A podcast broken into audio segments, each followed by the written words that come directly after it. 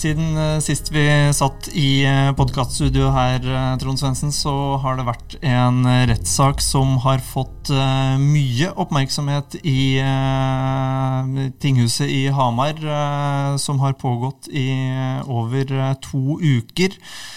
Vi har også fått med oss Jan Morten Frengstad, som har fulgt rettssaken for Hamar Arbeiderblad, og det har jo du også gjort. Eh, Trond, hvordan har det vært å være i retten i de siste ukene? Nei, det har jo vært en uh, interessant øvelse å få innblikk i en For det første en hendelse som er veldig veldig spesiell. Vi har jo pratet en del om dette her underveis i, i forhold til at vi jo hadde å gjøre med et tilsynelatende i hvert fall oppgjør i et kriminelt miljø med bakgrunn i narkotikakriminalitet, som Eh, er en verden vi sjelden får et så detaljert og direkte innblikk inn i. Da. Så det er klart at vi har vært gjennom en lang rettssak med både forklaringer fra de tiltalte og bevisførsel og, og, og ting og tang rundt det. Så uh, veldig interessant innblikk i en uh, verden som vi ikke alltid ser.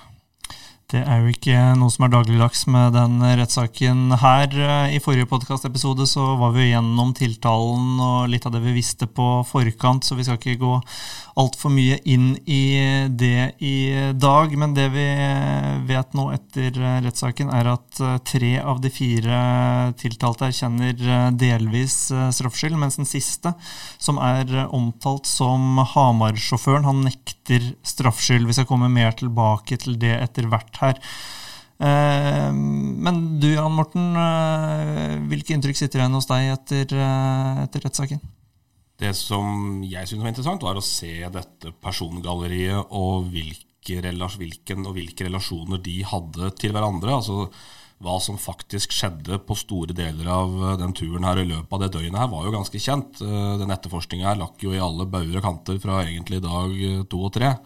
Sånn at det syns jeg var veldig interessant å se Uh, hvordan og hvor lite tid det tok før disse her egentlig ble kjent til dette her gikk ordentlig utforbakke, og, de, og den bortføringsepisoden skjedde da oppe i Vingelen. For det var ikke lange tida. Da snakker vi fra, fra, fra egentlig ganske sent på høsten 2021, og, og dette skjedde jo da 2. januar. Mm. Hva var det som skjedde den høsten uh, før uh, bortføringa skjedde? Hva, har blitt fortalt om det i retten, og hva, hva kan dere dele, dele, videre av det? Ja, vi har jo hørt historien om uh, 21-åringen fra, fra, Tolga, Vinglen, som uh, flytter til Hamar for å starte på skole, og som ganske kort tid etter at han har kommet her til byen, må vi vel kunne si, ramler ute på og treffer på dette miljøet. Da. Og det er klart at uh, vi veit jo nå at han òg er anmeldt og under etterforskning for uh, mistenkt for grov narkotikakriminalitet.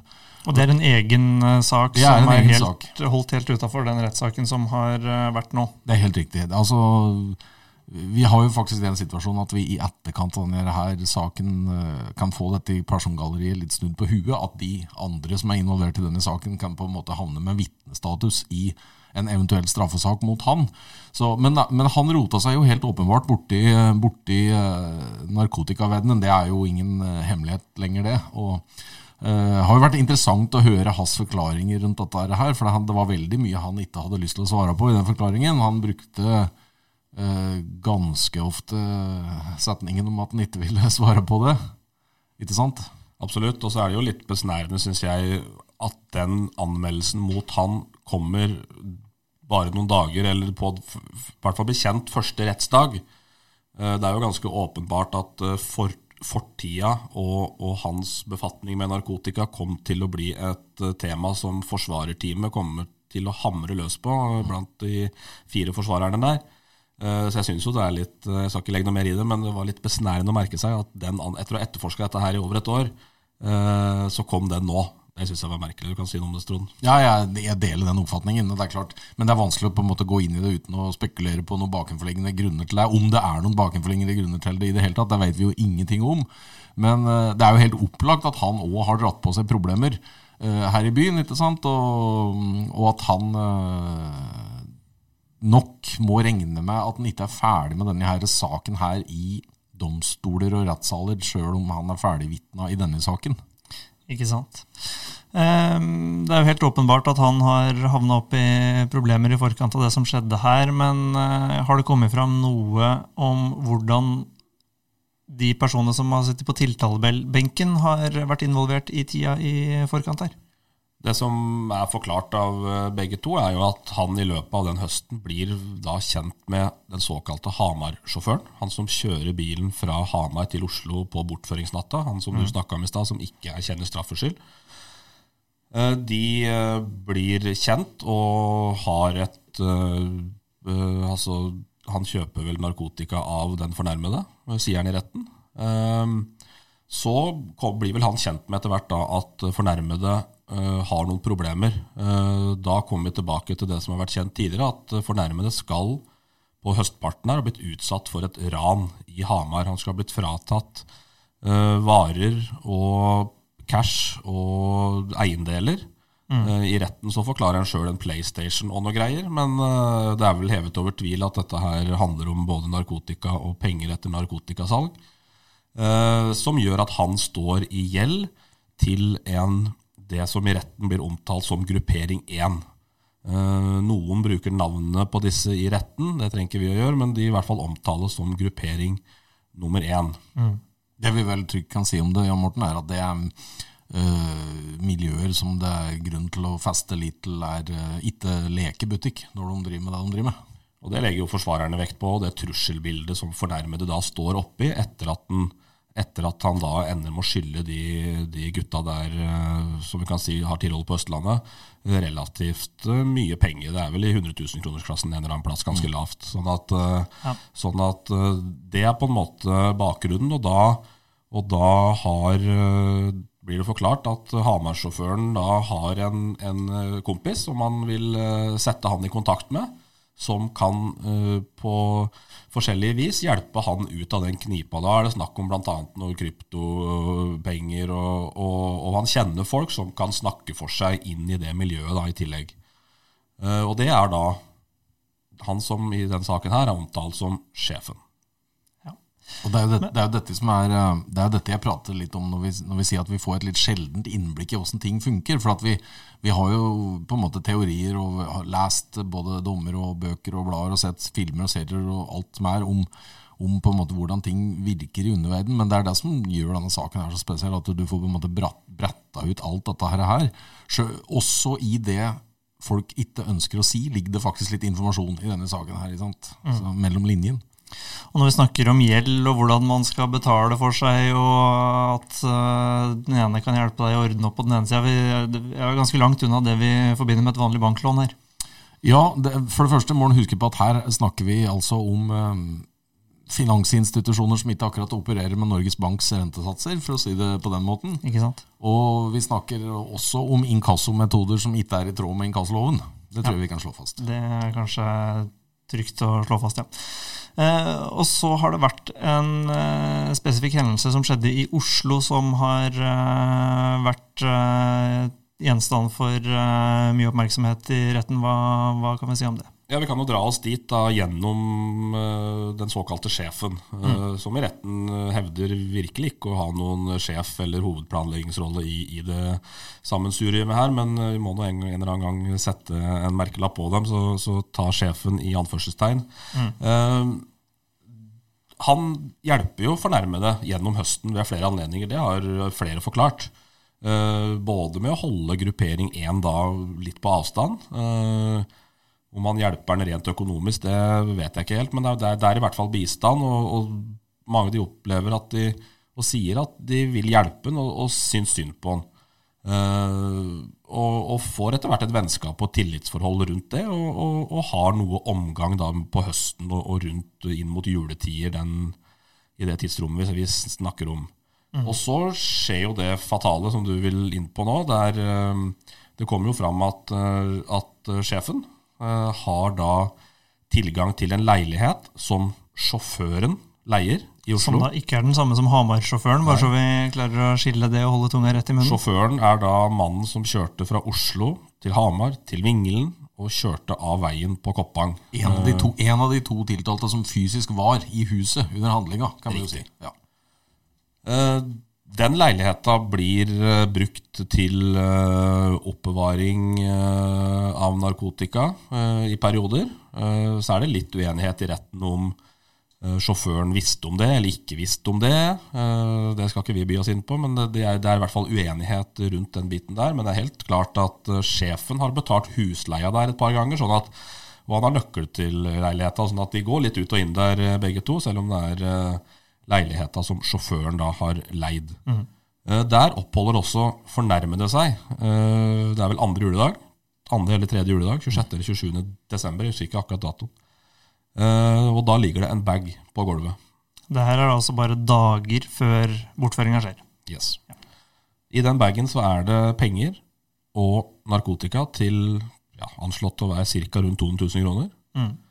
Og da er det heftig meldingsvirksomhet ut fra telefonen til fornærmede i løpet av den, de timene på natta. Det er sent på natta. Det er mellom to og fire, tror jeg, hvis jeg ikke husker helt feil. Uh, der han bl.a. spør om hvis jeg tar det her og gir det til dere, altså gruppering 1, er jeg da, har jeg da ryggen fri. Mm. Hva svaret er, har vi ikke sett eh, så dokumentert, men eh, han ender i hvert fall med å ta med seg det og droppe det på det han kaller et droppunkt eller eh, noe i den duren. Og da går det jo ikke lang tid før sjefen og det som han omtaler som gruppering 2, som også skal ha et eierskap i dette partiet der, finner ut at ops, her mangler det noe, og mistanken rettes umiddelbart mot da den fornærmede 21-åringen. Mm. Det er en komplisert struktur uh, å følge, det må en kunne si, og, enda mer komplisert egentlig når du på en måte ikke kan uh, gjengi det konkret med navn og sånn, så at, at, folk kan synes at det er uh, noe forvirrende å følge med på, det har jeg full forståelse for. Men det, summen av det hele er på en måte at du ser litt mekanismer som foregår i den type miljø. Altså hvem er venn, hvem er fiende, hvem kan du stole på, hvem er ikke, og hva er prisen du betaler hvis det går gærent. Og litt enkelt sagt så ser man jo også hvordan problemene på en måte bygger seg opp med at et ran utløser at eh, man må gjøre noe annet for å prøve å dekke opp for det, og at eh, problemene på en måte bare baller på seg. Og, det er masse etterfølgende konsekvenser, litt sant. Ja. Det det. Mm. Og etter dette her da, så skjer jo det at han, den fornærmede 21-åringen, går mer eller mindre under jorda. I hvert fall eh, digitalt. Det er jo veldig ja. vanskelig for de gutta her å få tak i han. Mm. Vi vet at han er oppe i Nord-Østerdalsområdet, han er nede til Hamar en tur, sånn type ting. Men uh, telefonen hans er mer eller mindre avskutt eller kasta, det husker jeg ikke. Men han, han, hvert fall, han, går ganske under jorda og er ikke å få tak i. Så de blir jo mer og mer desperate da, i de daga fram mot nyttårsaften der. Mm. Og så er det jo uh, en del av tiltalen at uh, den bortføringa som vi nå skal beveges oss mot, er planlagt. Hva har kommet fram om den planlegginga i retten? Det foregår vel et møte Var det nyttårshelga? Var det ikke det? Første nyttårsdag, tror jeg. Første nyttårsdag, Der, der uh, disse her personer, tre personer er jo er involvert i forhold til uh, at det skal sendes en delegasjon oppover Nord-Østerdalen for å se om de får tak i den. ikke sant? Og det er jo på den turen vi vet at det blir lagt igjen noe SIM-kort og noe greier på Hamar. Uh, som, fordi at det ikke skal være mulig å på en måte spore mobiltelefoner og den type ting på tur oppover og nedover. Uh, og, og, der blir det jo Der er det jo litt sånn uh, varierende informasjon, da, men det blir jo sagt at uh, At det, er jo Det skal jo ikke være bruk av vold. Men allikevel så blir det jo overlevert en revolver her, Jan Morten? Ja da, de, Jeg husker ikke akkurat hvem som var om det var de tre, de to som var i huset og sjefen som var til stede på det møtet. men han som er sjåføren, da, som er en barndomskompis av sjefen fra Sandefjord, de møtes nyttårsaften. Mm. Uh, og da sier vel sjefen at han, at han trenger hjelp til å, til å, hente den fornærmede. Han, da har han fått tak i adressa oppe i Nord-Østerdalen. Uh, og så kobles vel han såkalte revolvermannen på. Revolvermannen har også møtt fornærmede tidligere på høsten, der, så de også er litt kjente av hverandre. sånn i hvert fall har møttes et par ganger. Uh, sånn at dette er jo på en måte folk som har sett hverandre og vet godt hvem hverandre er. Og bare for å få sagt det, Revolvermannen er da den siste tiltalte som vi så langt ikke har vært innom, men som har sittet på tiltalebenken i ukene her. Ja, Det er riktig. Det er jo han som avfyrer det skuddet, som vi vet treffer, eh, treffer fornærmede i baken, inne i huset oppi der. Mm. Men det er altså en form for uh, møte, planlegging, uh, som i hvert fall ender opp med at uh, sjåføren og revolvermannen setter seg i en leiebil og kjører oppover mot Tolga den natt til 2. januar. Absolutt, og det er jo leiebil som en kompis av sjefen, som står egentlig i på vei inn i en jobb som du absolutt ikke skal ha kontakt med slike miljøer i, som tar ut den bilen og leier den for den. Eh, sånn at Det skaper jo også litt trøbbel i bakkant. sånn at dette vitner jo, altså Forsvaret også har jo kalt dette her en amatørmessig aksjon. Eh, bare så det er sagt, sånn at eh, og Den bilen er jo da leid av bilkollektivet, som du starter med mobilen din som en Bluetooth-variant, og GPS-sporer deg hele veien dit du kjører. ikke sant? Sånn at vi har jo fått framlagt eh, GPS-sporing eh, oppover rv. 3, så det har prikker hele veien oppover. sånn at det har ikke vært noe tvil om hvor disse gutta har vært og hvor lenge de har stått her og der. Og det er mye som kunne tyde på på det de forklarer, at de ikke helt visste hvor langt det var fra Oslo til England. Ja, Det var jo utrolig, det var nesten litt komisk. De plotta det inn for først. De hadde kun fått, de sier koordinater, men jeg tror faktisk de hadde en faktisk adressa. Ja. Men de sier koordinater. Og når det da plopper opp uh, fire og en halv, fem timer på, på den GP-skjermen, så er det ikke noe tvil om at de gutta blir lange i maska. Virka ikke som de så den komme òg. Nei, det er jo ikke sikkert alle som uh, bor innafor Ring 3 vet hvor Vingelen er uh, ved å høre navnet, så det kan dukke opp en overraskelse der. Men de kommer fram til vingeren, og det er vel noe av det vi har visst mest om kanskje på forhånd, hva som har skjedd i huset der. Eller har det kommet fram nye detaljer som eh, har vært ukjent for offentligheten eh, tidligere? Det er jo detaljer, det som er største detaljgraden, som vi ikke vet så mye om egentlig kanskje der fra før, er jo hva eh, mor og far til 21-åring forklarer om dette her. Det dramaet som utspiller seg eh, når de eh, blir vekt på natta av folk som vil inn i huset der. og det er klart at eh, Vi har, vi har hørt nødsamtaler avspilt i retten. Eh, det blir gjort forsøk på å få kontakt med politiet på 112. og Det er ikke mange sekunder, men det er veldig dramatisk lydopptak mm. som på en måte understøtter det. da. Så, en av disse lydopptakene har vi også publisert, ja, som ligger på ha.no for de som mm. skulle ha interesse av det. Du, satt, men, du, har jo også skrevet om det, Trond, men det var jo litt befriende. for Vi, snakket, vi var innom det her tidligere, at den fornærmede 21-åringen sitter litt i spagaten her. Fordi han, han har rota seg borti noe han absolutt ikke skulle. Du skrev vel et monster som han ikke kom, kom unna. Ja, Han har vært med og skapt det sjøl. Eh, absolutt. Mm. Og så sitter han da i retten og skal forklare seg om noe, og så har han en rett til å ikke Eh, inkriminere seg sjøl eller si noe som, som, gjør at han påtar seg straffansvar. Mm. Eh, så han står en veldig skvis og, og er prega av det, i tillegg til alt han har opplevd. sånn at han, Hans forklaring er, sånn jeg oppfatter det, ganske rotete. Ja, for husk på at på ene hånda så har han uh, trusselen om represalier fra miljøer hengende over seg. ikke sant? På, på andre hånda så har han Eh, frykten, frykten da, for den ukjente, muligens kommende straffesaken. Han risikerer jo en straff av ikke helt uh, uh, liten karakter, for å si det på den måten. Så, ja, det er åpenbart. Uten at vi veit nøyaktig hva han eventuelt vil bli sikta og, og, i neste omgang tiltalt for. Men det er klart at hvis du ser litt på han som vi omtaler som sjefen, da, så er jo for å plassere han litt, så er det jo snakk om ganske, ganske pene mengder narkotika. Det er snakk om over fem kilo hasj marihuana, så vidt jeg husker. Over en kilo kokain og flere hundre MDMA-tabletter.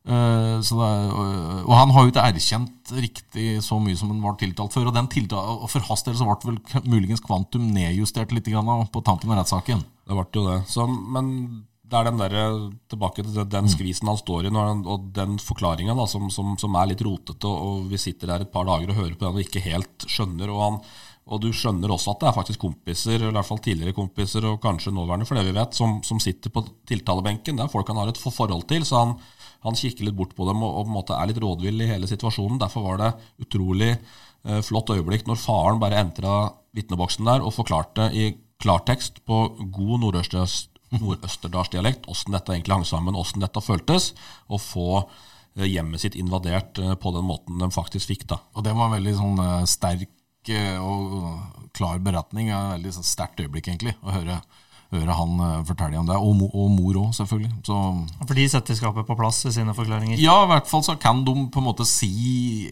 alt de opplevde, uten å være på en måte bundet på hender og føtter av ting som de må tenke på. Altså, De, de har en historie å fortelle, og det er det de gjør. Og uansett om de har snakka på forhånd om de, at de ikke skal bruke vold, så er det i hvert fall det som skjer når de kommer inn i huset der, så blir både mor, far og fornærma Da sier fornærma Alle tre er fornærma, men fornærma da altså sønnen i huset blir utsatt for vold. Og Det er kanskje det største spørsmålet jeg sitter igjen med etter de forklaringene.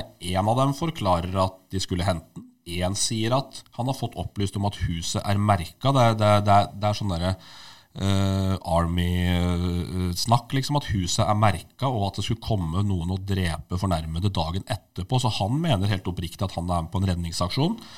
Og, og, og den tredje uh, er litt mer sånn vagere i sin beskrivelse. Så så, så, det er det jeg sitter igjen med som det største spørsmålet. Hvorfor utagerer det greiene oppi der så tidlig og så fort etter at de banker på den døra? Et mulig svar på det kan jo være at han ene er berusa.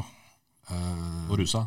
Har vel, har vel, sagt det rett ut sjøl i, i, retten. At det var inntatt ting før de gikk inn i det huset. Og han girer seg veldig opp, ikke sant? Uh, så, så, det kan jo være én. Og så er det klart at forsvareren til han, eh, til han eh, som vi omtaler som sjefen, han holdt en lang prosedyre der han uh, på en måte slakta hele dette her oppdraget deres og sier at de, de, de er klønete. Og, og bruke ordet uprofesjonell. er Jeg er litt usikker på hva en profesjonell bortfører eventuelt måtte være for noe, men i hvert fall som, som torpedooppdrag, hvis du skal kalle det da, det så, så ville dette her eh, helt åpenbart ikke være etter læreboka, for å si det på den måten. Du mister kontrollen, mister huet. For Det som skjer når de kommer opp der, at de først sånn de forklarer, det forklarer de seg vel ganske likt, egentlig. Sånn i hvert fall i, i noenlunde detaljmessig grad.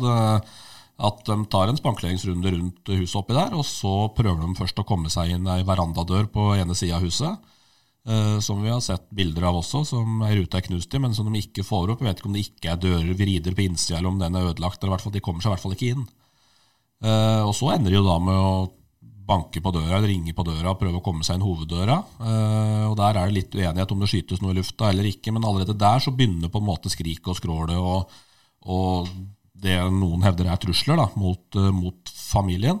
Eh, og så ender de da i et eh, kontorvindu rett ved siden av, eh, rett ved siden av inngangsdøra, som de da til slutt får knust med snøskuffe eller et eller annet. Og så, og så får de hekta av hempene og, og komme seg inn, inn, gjennom vinduet der. Da, og da møter jo, møter jo den såkalte revolvermannen møter jo da faren direkte på gulvet i en liten konfrontasjon, uten at det blir utdelt så mye veldig mye slag og spark, men det er i hvert fall en brytekamp på, kontorgulvet der, mens mens sjåføren springer opp trappa og, og leter etter fornærmede. Mm. Og de finner eh, fornærma til slutt, og det ender eh, med at eh, fornærma blir skutt i baken før de får han med seg ut i bilen og starter ferden nedover. Men før vi går på hva som skjer videre, så skal vi stoppe litt med noe av det dere har vært innom nå.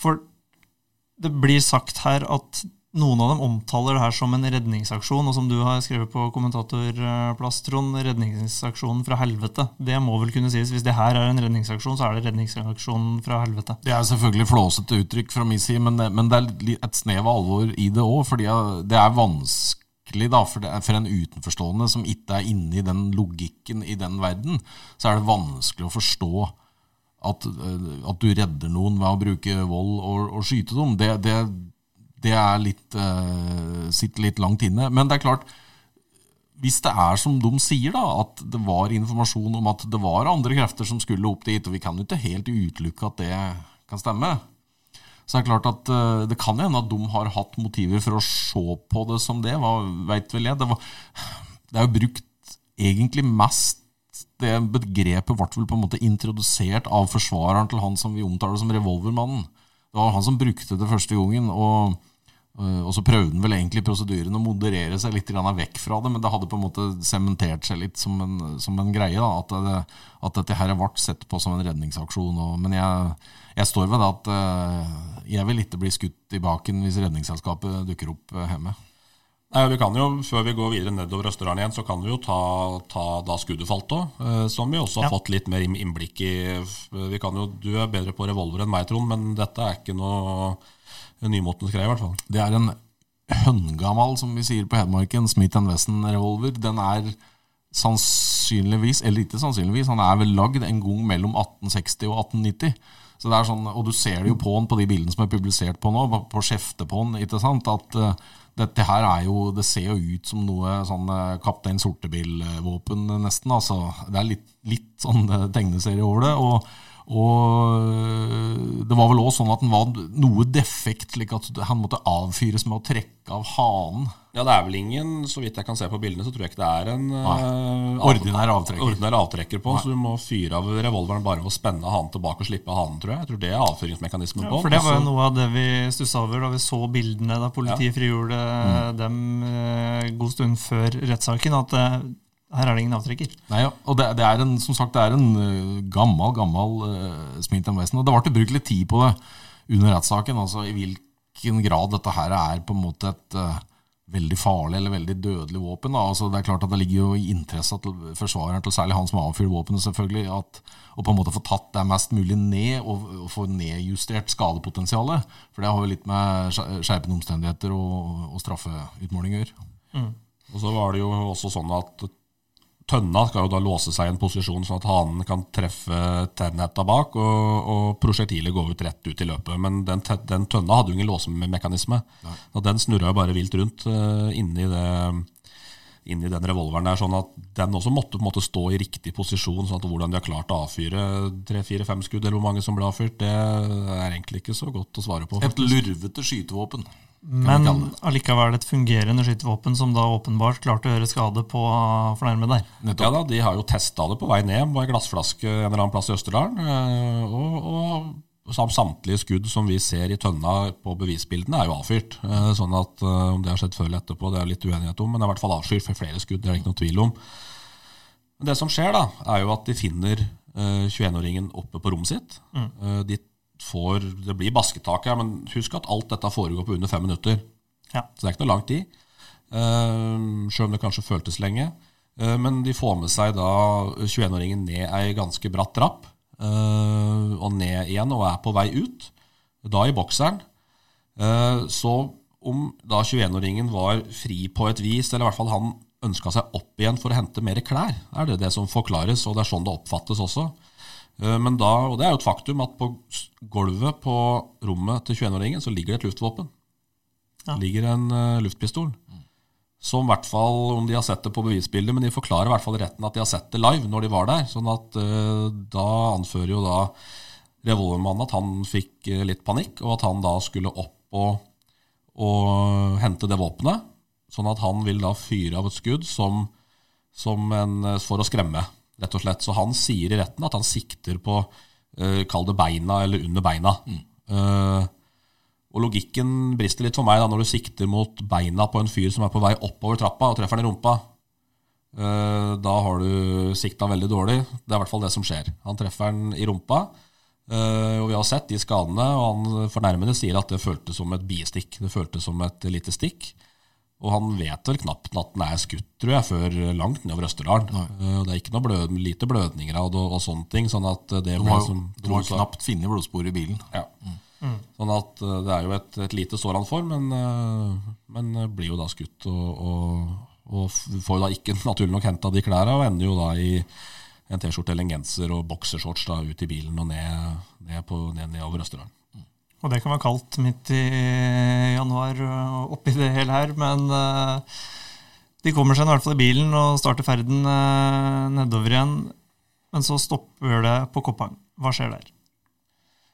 Om de møter en politibil, eller om de kjører forbi en politibil som møter dem med blålys, i hvert fall det er en og jeg har ikke ja. fått klarhet i hvor det var. Nei, Noen har sagt etter ti minutter, men uh, det må jo være nede i Østerdalen etter Alvdal en eller annen sted, tenker ja, jeg da. Jeg oppfatta det vel nesten som den uh, Nesten som om den hadde stått på en sånn rasteplass langs veien eller noe sånt, ja, så ja. blinka blått av en eller annen grunn. Kan hende de hadde stoppa en annen bilist eller noe i den duren, da. Det virka i hvert fall helt tilfeldig. Uh, men stressnivået i bilen beskrives jo som at det stiger dramatisk. Mm. Uh, sjåføren får pes på seg av revolvermannen, forklarer han. Uh, kjør fortere, kjør fortere, kjør på, kjør på, kjør på. Vi er under press, liksom. Og det ender jo som det må gå, det, med kontra én vei og sving en annen vei, og ut på potetåkeren i, i Storheidalen. Og bilen blir jo i, på ingen måte ukjørbar. Og det er jo her det er en liten tvist igjen, for da de kommer seg jo, de kjører jo langs jordekanten. Det er ganske mye snø, men de har vel, det er vel en, en eh, Toyota RAV4 et eller noe sånt, så det er jo en bil som kommer seg litt fram. sånn at de, de kjører jo langs jordekanten på en potetåker i snøen, sånn at de kommer seg jo fram og opp, og så svinger de inn bak, men da har de så panikk. Så at de river ut, eller røsker ut, en eller annen Bluetooth-device som gjør at den bilen starter. Og de ødelegger faktisk sin egen bil. Og de ødelegger sine egne muligheter til å komme seg videre. Det er faktisk det som skjer. Mm. Hadde de kjørt en eh, god gammel uh, rånebil, så hadde dette gått helt utmerket. For da hadde det bare vært svingt noe på på veien. Men moderne teknikk stopper dem for å være litt flåsete. Men det er helt sant, faktisk. Og da begynner improvisasjonen på å komme seg videre nedover. Og det ender opp i en uh, taxi videre, gjør det ikke det? Ja, Da er vi først innom, og det, da er det en der som skal koble noe hovedkort inni i bilen der og drive på. Så det er litt Reodor Felgen-varianter inni bilen der før, før, de gutta finner ut at vi må faktisk få oss en taxi. Eh, og da springer de over, eh, over rv. 3 på andre sida av rv. 3 og banker på et hus eh, som er på andre sida av rv. 3. Og, og, får hjelp da til å bestille en taxi. Og så får vi taxisjåføren inn i han som kjørte da fra Koppang til Rena er i retten. Han er vel eneste taxisjåføren som er der? Vel? Ja, det var et veldig kort vitnemål, og det var ikke egentlig veldig mye han hadde å fortelle. Nei, Vi har jo stussa veldig på det der taxigreiene, for vi tenker jo det sitter en i, i bokseren baki som er litt tvilsomme menn. Uh, en i forsetet og en bak, liksom. Men, men han, altså jeg, han, sier at jeg plukker opp uh, veldig mange folk langs veien på rv. 3 som har kjørt av, og som trenger skyss til nærmeste togstasjon. Det er ikke mm. uvanlig for meg, sier han i retten. Og så sier han en ting til. Jeg ser mer på veien enn i speilet. Så han så ikke nevneverdig mye på disse folka som satte seg inn i bilen hans den natta der. Neida, og det, det, påhviler jo på en måte sånn sett ikke noe tungt ansvar på taxisjåføren heller. Det er bare at vi, vi sånn i etterkant, da, når vi vet hva det var slags scenario som satt i baksetet, så det, kan en jo stusse bitte litt over det, men uh, sånn er det nå. Sånn er det.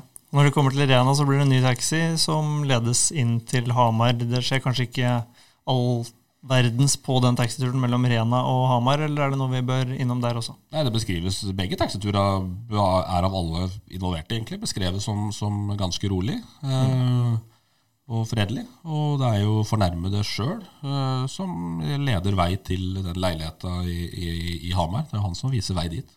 Og da, det er klart Når vi kommer dit, det er da vil det virkelig sånn i forhold til eh, skyld og ikke skyld, og hvem som er sentral i dette her spillet her. Så da begynner det jo egentlig å bli veldig interessant for han som vi omtaler som Hamar-sjåføren, som, som, blir hanka på der. Det, det, er vel den eh, som jeg er litt uh, spent på i forhold til dommen, hvor vi, hvor vi skal havne der. for det at uh, om, er, om påtalemyndigheten har klart å bevise slik som det er tatt ut tiltale på, at han har medvirket til dette her opplegget, her, det, det syns jeg blir spennende. Vi kan jo si litt mer om hva som skjer der, Jan Morten? Ja, Det kommer jo fram til Hamar da, på Jeg husker ikke tidspunktet, men det er i fem mellom fire og seks. Tidlig morgensside, ja, ville jeg sagt. Tidlig morgen, da ja. du ikke er oppe. Uh, 3. januar. Uh, og, og kommer seg jo da inn i huset via en sånn vaskeromsinngang eller et eller annet sånt. Ikke noe innbrudd eller et eller annet, men bare kommer seg noe inn i huset. og, og det er jo vage kjente av hverandre, disse som er i det huset her. og sånn at De møter jo på en samboer der som også vitna i retten. som ja, og Det slår meg jo at det er, det liksom ikke noe uvanlig kanskje nødvendigvis å få besøk klokka fem om morgenen i det miljøet her heller. da. Eh, det slår meg jo litt. Så Nei, det var liksom ikke det mest pussige. Eh, jeg er litt påfallende faktisk. på det hjemme, men, men, men, men det skjer nå. Mm. Og den såkalte Hamar-sjåføren ligger da og sover og blir uh, stressende vekka uh, ut av sin, uh, sin skjønnhetssøvn. Og, og, blir da ganske umiddelbart bedt om å kjøre dem. Eller først blir bedt om å låne bort bilen sin. Ja, Etter at de først har prøvd å låne en annen bil òg, vel? Av en ja. fyr som var der. Ja. En bil som sto der uten skjelte på, som han nekta dem å bruke. Og det er vel da de lander på vår mann her. Det er da de lander på Hamar-sjåføren, som de spør om å få låne bilen til. En ganske ny Tesla, som han sier direkte nei til. Det vil den, ikke, den vil han ikke låne bort. Det er ikke aktuelt. Uh, med noe rådslaging der. Og der er det jo uenighet om ble han tilbudt penger, mm. eller ble han ikke tilbudt penger? Ble han trua, eller ble han ikke trua? Mm. Det som i hvert fall er hevet over tvil, er at han ble masa på. Han ble formant og masa på om å kjøre. Uh, den juridiske termen om dette ender med trusler eller ikke, det, det får andre avgjøre. men men han ender i hvert fall med å si ja, om det er for å få dem ut av huset eller, eh, eller åssen dette er. Og han sier jo også i retten at han, han, oppfatter ikke der og da at dette er noe bortføring eller noe, noe rart i det hele tatt. Han, øh, han får jo låne ei bukse og sånn, han øh, fornærmede der, men øh, ja. sier at dette oppleves eh, At de trenger å komme seg til Oslo, rett og slett. Og det som vel ingen har Eller det er ingenting som tyder på at Hamar-sjåføren på noe vis har vært involvert i det som har skjedd tidligere i form av planlegging, eller har visst om at det her skulle skje, eller uh, noe sånt? Mm, nei. Nja. Uh, sjefen mm. og en til Jeg husker ikke om revolvermannen var med, eller om uh, en av de andre tiltalte var med. Det kan hende. Men den 29. eller 30. desember, altså to-tre dager før bortføringa, så var de på Hamar for å se etter den. Ja. Og da er det Hamar-sjåføren som viser de gutta vei til hybelen til fornærmede. Ja. Han forklarer jo da i retten at det gjør Han oppfatter at de bare skal prate med han. Bare, han har skjønt at han skylder penger, og at de skal prate med han. Det er det han oppfatter. Så han viser dem vei. Kjører bare opp til den leiligheta uh, han bor i på, på, Hamar her, og bare peker og kjører videre. Uh, andre forklarer at han står utafor, men han er ikke med inn i leiligheta og ikke aktiv på noe vis, sånn jeg oppfatter det.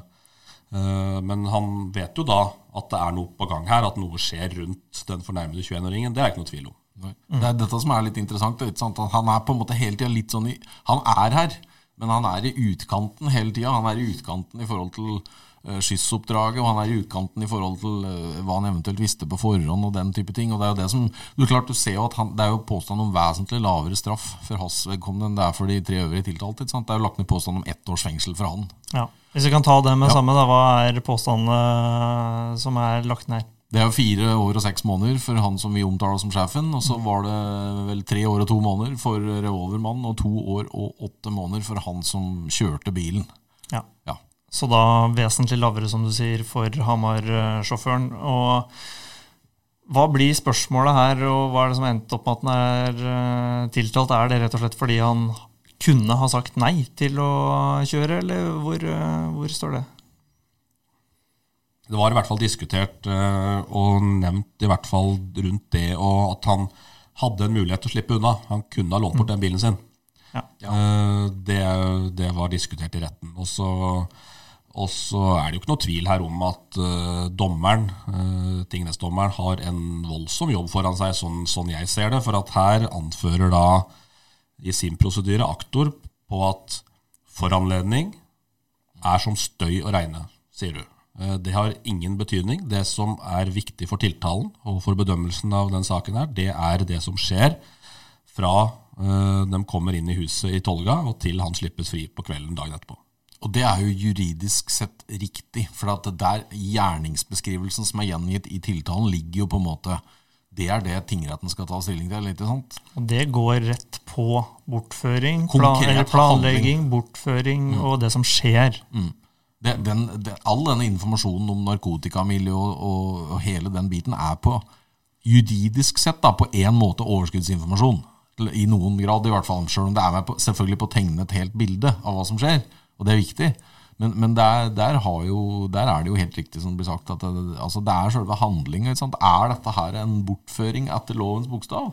Og, og, og, ikke minst om han har Hamar-sjåføren kan kan domfelles for det. Jeg må innrømme at Personlig så er det, det, det er den biten jeg er mest spent på i forhold til den dommen som kommer om, eh, om ikke så lenge. Mm. Og så hamrer jo, hamrer jo forsvareren løs motsatt og sier at foranledningen her og relasjonene og alt som har skjedd fra høsten 2021 har alt å bety for det som skjedde i Vingelen. sånn at... Uh, og det er jo et kjempesprik da, i forhold til uh, aktor sine påstander her, og hva hva forsvarere legger ned påstand om. Altså, du har jo bare én forsvarer som legger ned påstand om full frifinnelse, og det er jo selvfølgelig han som forsvarer Hammermannen. Mm. Og de andre prater jo om eh, betydelig lavere straffer, og, og, og, bruker jo til og med begreper som samfunnsstraff i forhold til folk i dette her. Så det, det er et sånn hav av avstand mellom, mellom aktørene.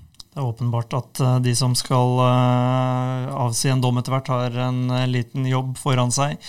Men fra Hamar så går da turen til Oslo. Eh, vi har prata lenge nå, men skal vi kjapt ta det som skjer i Oslo også? Eh, og i, eh, det ender opp i ei leilighet i Oslo. Turen til Oslo er bare dokumentert ved GPS og bompasseringer, så den ja. ser vi skjer. Så kommer de til en bolig på Røa i Oslo, der, der samboeren til revolvermannen ligger og sover. Uh, han har ikke nøkla sine. De ligger uh, igjen i den leiligheta som det ble stjålet fra tidligere. faktisk, for den har de lagt igjen der, Så han må knote seg opp og klatre opp i tredje etasje for å komme seg inn uh, i leiligheta.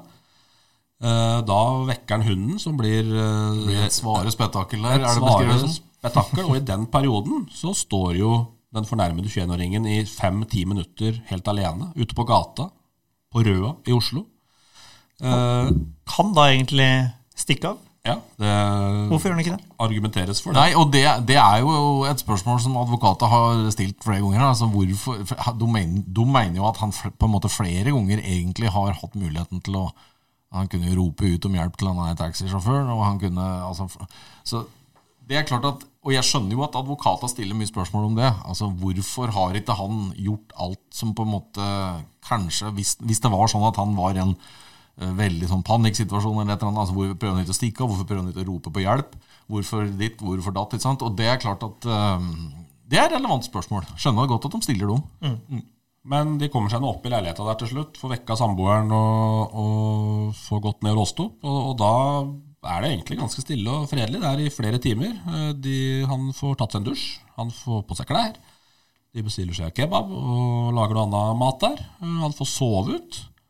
Eh, Men det ender da i den leiligheta med at de, at de kokkelerer sammen en, en eller annen greie der med at de spiller inn en video som vi har sett i retten, der den fornærmede 21-åringen forklarer det sammensuriumet her, da. Nå husker ikke jeg ordrett hva som blir sagt i den videoen, for den er litt sånn rotete også. Han er jo åpenbart prega i den videoen. altså. Det ser du. Ja, det, det, det ser vi, så det, om der hersker ingen tvil. Men, men han, han forklarer da om denne situasjonen med gruppering 1, som har trua han, eh, og at han har eh, gjort det han har gjort. Og, og da er liksom all good. Eh, Og det slippes egentlig litt der, syns jeg. Og så sier vel sjefen i retten at han har tatt på seg gjelda for 21-åringen. man sier det. Altså den gjelda som han, altså gruppering 1 fikk jo da dop og penger, og de er jo egentlig borte. Mm. Men det er da en gruppering 2 som var medeier i det partiet som ble stjålet i romjula. Det sier sjefen at han har tatt på seg gjelda for 21-åringen for det. Eh, Hvor mye det var snakk om, vet ikke jeg, men noen titusener opp mot 100 000 kanskje. Mm. Sånn at eh, da er egentlig, sier de, og det, sånn oppfattes det vel egentlig, oppfattes det vel egentlig fra 21-åringen, at da er han egentlig mer eller mindre fri når han slipper home ut fra leiligheta i Oslo. Hører jo med til historien da, at de, det blir jo noe stressnivå i den leiligheten ute på morgenskvisten der når de oppdager at eh, eh, ansikt og navn på han de har sittende i stua si, det er på samtlige norske medier. Det Klart det bringer opp eh, stressnivået et par hakk, men han dukker nå opp igjen på et tog og blir eh, møtt av politiet på Hamar eh, etter eh, togturen. og Derfra har politietterforskninga starta og leda fram til rettssaken, som nå er ferdig. Bare et av de siste spørsmåla her. Hvordan fremstår de her i retten?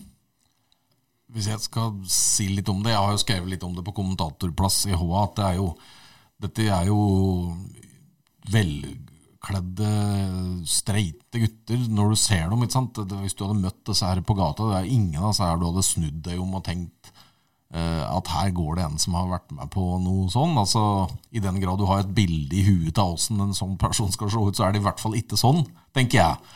Veldig sånn ålreite gutter med ordentlige klær og, og, og liksom uh, ser ganske streite ut, syns jeg. Alle sammen. Det, det gjør jo han 21-åringen òg. Som en helt streit, vanlig gutt. Prater ålreit for seg, prater godt for seg. Uh, ja. Så det er, det er klart at uh, uh, Ja. Ingen er kun sine handlinger, og det, det er noe med at det miljøet du ser kikker inn i her, det er, det er i mangel av et bedre begrep noe fascinerende.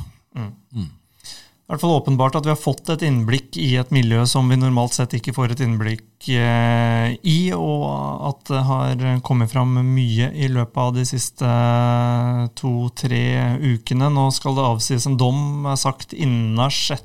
februar. Da vet vi mer om eh, hva, hvordan retten ser på alt det som har kommet fram her, og det kan jo da tenkes at eh, noen, enten eh, av de tiltalte eller påtalemyndigheten, må begynne å ta stilling til eventuell eh, anke, avhengig av hva som kommer fram i dommen her. Det er ikke sikkert vi er ferdig med Nei, den tenker, første runden her. jeg tenker at for de tre på en måte som er sterkest knytta til sjølve hendelsen, så er det, jo, er det jo kanskje anker opp mot straffeutmåling i størst mulig grad. For har jo, alle har jo plassert seg, både seg sjøl og delvis andre, inn i dette her. her. Men det er klart at sånn eh, skyldmessig sett, hvis det skulle bli en domfellelse på han Hamermann, mm. så tenker jeg at den er jo helt opplagt en kandidat for lagmannsretten, hvis det, hvis det skulle bli, gå av gårde. Og, og, og motsatt fall, hvis, den, hvis han skulle bli frikjent, så ser jeg ikke bort fra at påtalemyndigheten ønsker å prøve den videre. Men jeg tror nok at eh, skyldspørsmål er først og fremst viktig for han. Også for de andre så er det mer snakk om nyanser litt i skyldbiten og straffeutmåling. Ja. Alt det her vet vi mer om i løpet av eh, ei uke eller eh, to. Jeg tror vi runder av eh, for denne gang der. Takk til, at, til dere begge for at dere var med her. Og så regner jeg med at vi kanskje høres igjen når dommen har falt.